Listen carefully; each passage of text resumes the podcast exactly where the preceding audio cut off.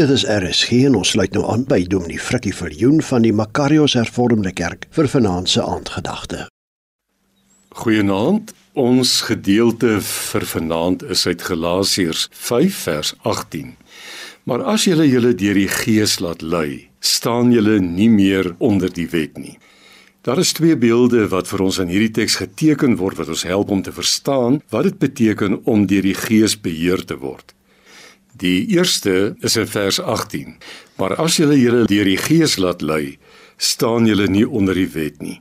As Paulus gesê het ons moet die Gees volg, was dit weer 'n wet of 'n reël maar hy gebruik die passiewe vorm. Dit beteken die Gees is die aktiewe persoon.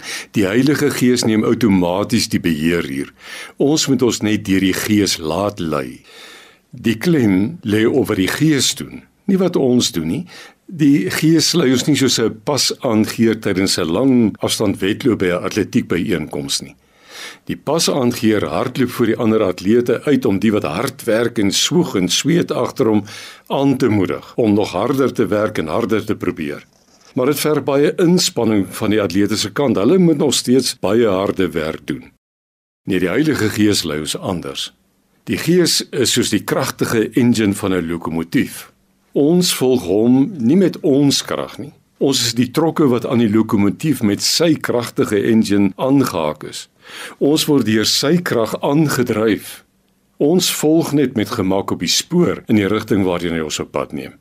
So om deur die Gees te lewe beteken dan om vasgemaak te wees aan die kragtige goddelike mag van die Gees.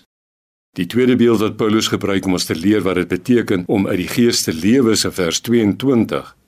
Die vrug van die Gees is liefde, vreugde, vrede ensovoorts. As jou lewe as gelowige 'n lewe in liefde, vreugde, vrede is, dan beteken lewe deur die Gees dra die vrug van die Gees. En as ons hoor dat ons lewe deur die vrug van die Gees gekenmerk moet wees, moet ons weer eens daarop let dat die klem op die werk van die Gees val. Hy dra die vrug.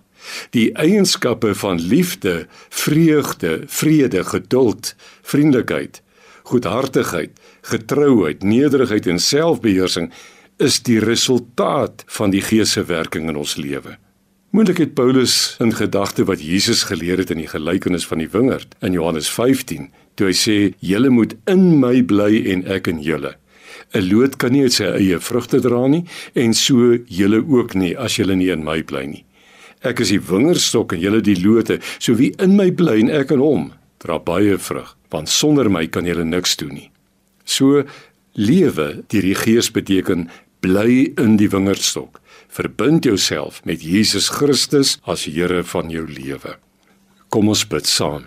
Here baie dankie dat ons deur u Gees aangedryf word. Dat ons soos die trokke is wat by 'n lokomotief inhaak, by u Heilige Gees inhaak en deur u kragtige werking in u koninkryk besig mag wees. Gee ons die genade om presies dit te kan doen. In Jesus naam. Amen. Die aandgedagte hier op RSG is vanaand aangebied deur Dominee Frikkie Viljoen van die Makarios Hervormde Gemeente.